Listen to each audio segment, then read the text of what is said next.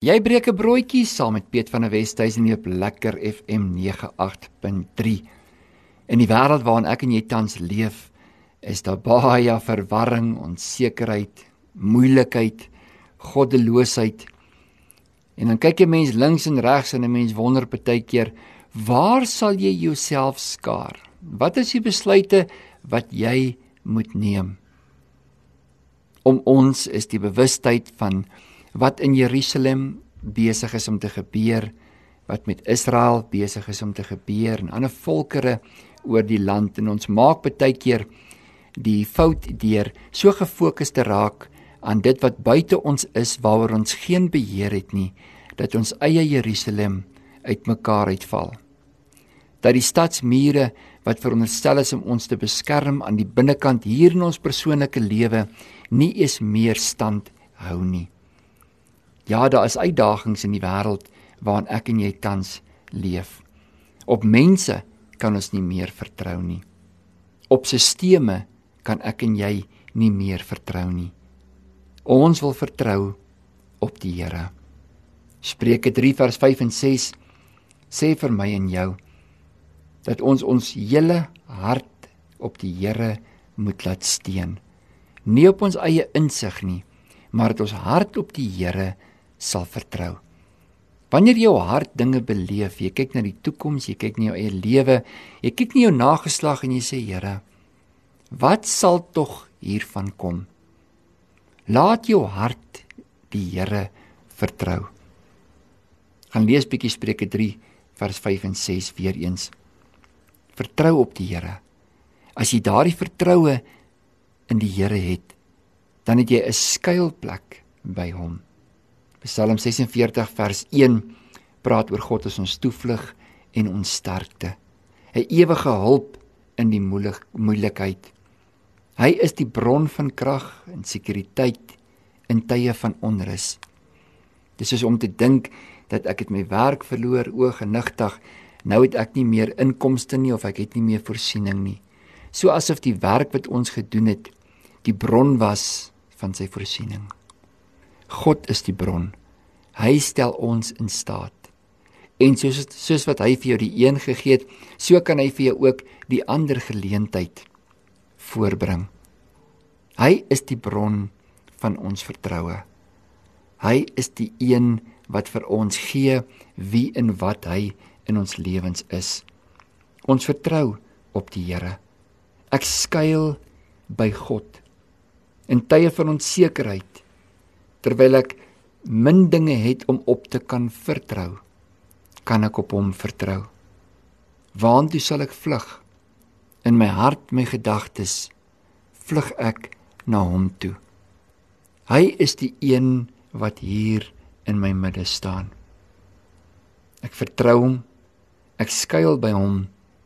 En dan staan ek vas in my geloof soos die apostel Paulus aanmoedig in 1 Korintiërs 13 16 vers 13. Hy moedig ons aan om ten midde van uitdagings in ons lewens sterk te staan in ons geloof. Dit wat ons weet, die waarheid in God se woord is, dit anker ons en dit dit bring 'n onwrikbare geloof in die beloftes van God in my en jou hart ook. Al kyk ons na dinge en sien dinge wat dit nie veronderstel is om te wees nie, dan praat die geloof met my en jou om vir ons te sê vertrou op iets meer en iets groter as dit waarna jy kyk. In jou vertroue op die Here het jy 'n skuilplek gevind. In daardie skuilplek kan jy ook standvastig in jou geloof wees.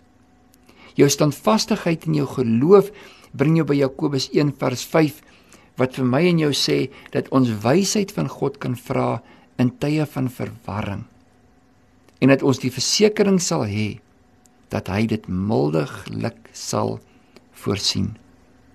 Ja, God se wysheid kan ons kry deur middel van Bybelstudie en, en om die skrifte te ondersoek en en te deel met die verwarring deur 'n riglyn uit God se woord uit. In jou vertroue teenoor die Here. Daar waar jy jou veilige plek in hom ontdek het, het jy ook 'n bietjie meer stabiliteit en standvastigheid gekry.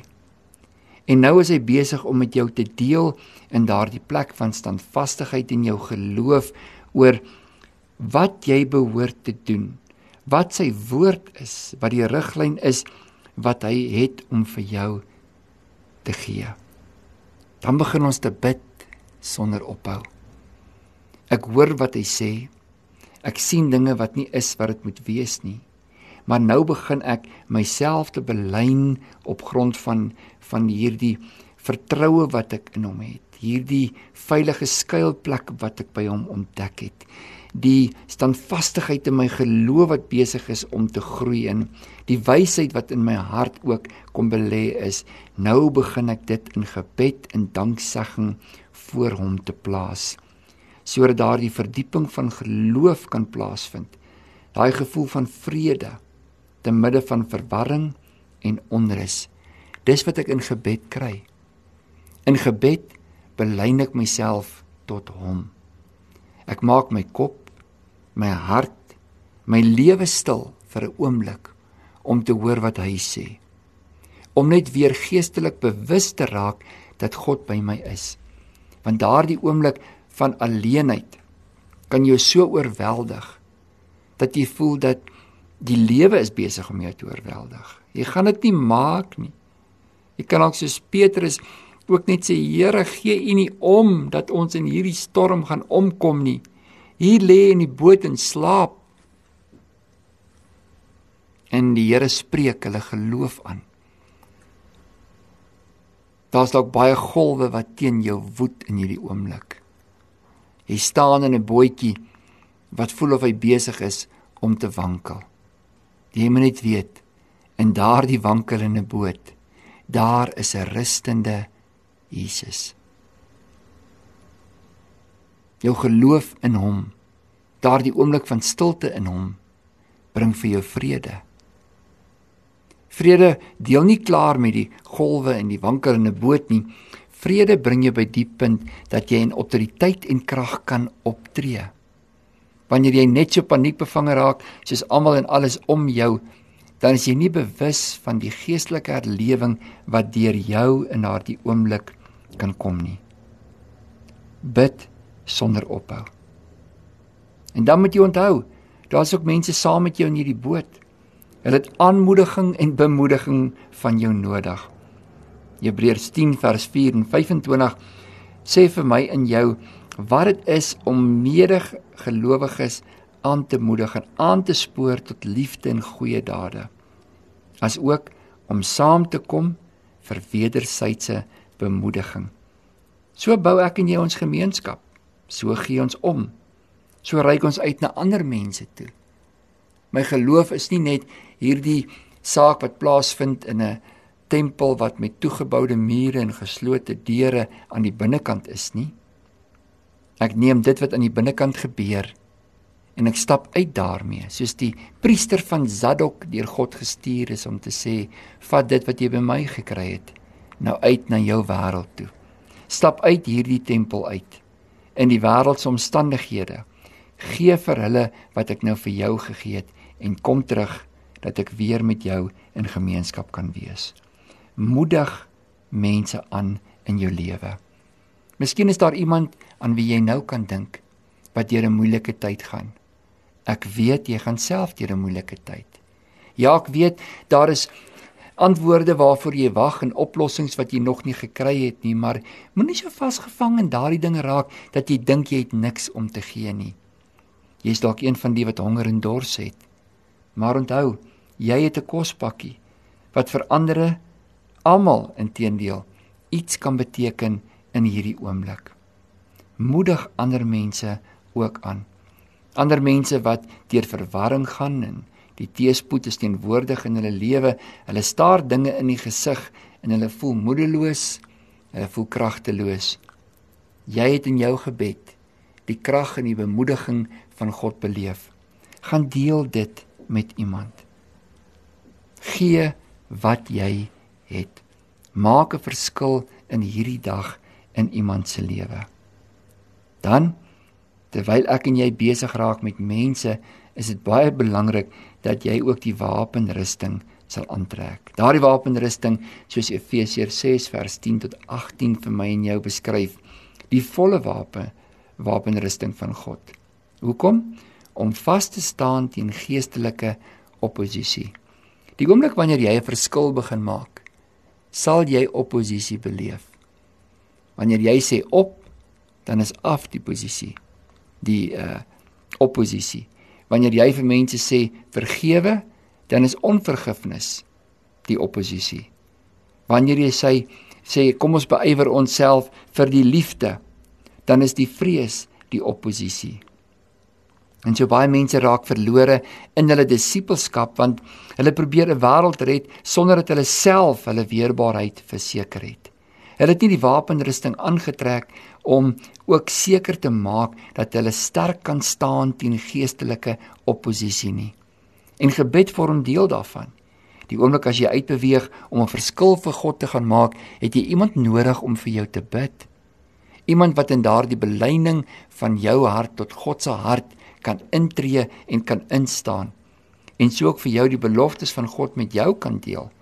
'n Profetiese woord in jou hart kan kom plant en jou kan aanmoedig en versterk. Want wanneer jy baie gee, dan moet jy ook jouself voed met dit wat nodig is sodat jy aanhou kan gee.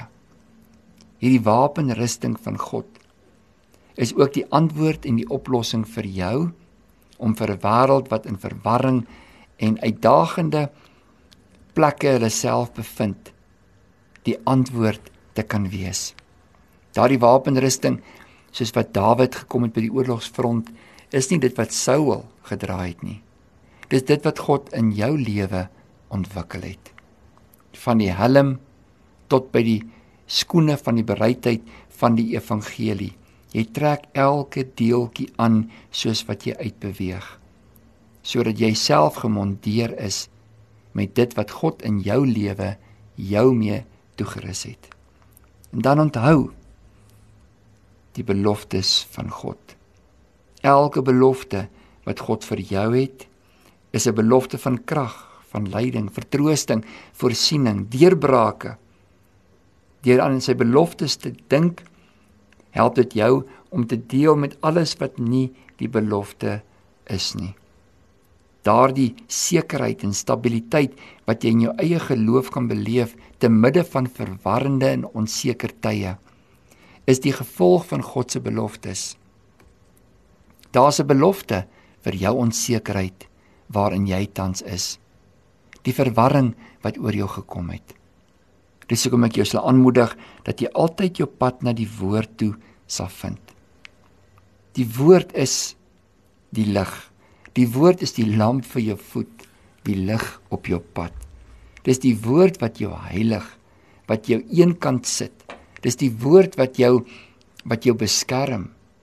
Dis die woord wat vir jou wysheid gee. Dis die woord wat maak dat jy krag kan kry in jou lewe. Die woord is soos daardie kompas wat jy het in die middel van die woestyn om te weet sy woord het my lig en krag gegee. Sy woord is die rigting waarin ek stap. Praat vandag met jou oor die impak van jou geloof in moeilike tye en verwarrende tye. Dat jy sal vashou aan die Here dat jy sal deel wees van 'n gemeenskap van gelowiges wat weet wat dit is om te bid, mekaar te bemoedig en te versterk. 'n Gemeenskap wat weet wat dit is om te skuil by God in hulle vertroue wat hulle teenoor hom het. Wie se geloof standvastig is. Wat wysheid deel elke dag soos God dit vir hulle oopbreek. 'n Gemeenskap wat die wapenrusting van God aangetrek het en mekaar herinner aan sy beloftes. Mag daardie herinnering vandag ook vir jou lewendig, vars en kragtig wees. Jy kan staan in tye van onsekerheid. Jy kan wees wie God jou gemaak het om te wees te midde van alles wat nie is wat God sê dit behoort te wees nie. Jou lewe is syne. Jou lewe is kragtig in die Here, jou God. Amen.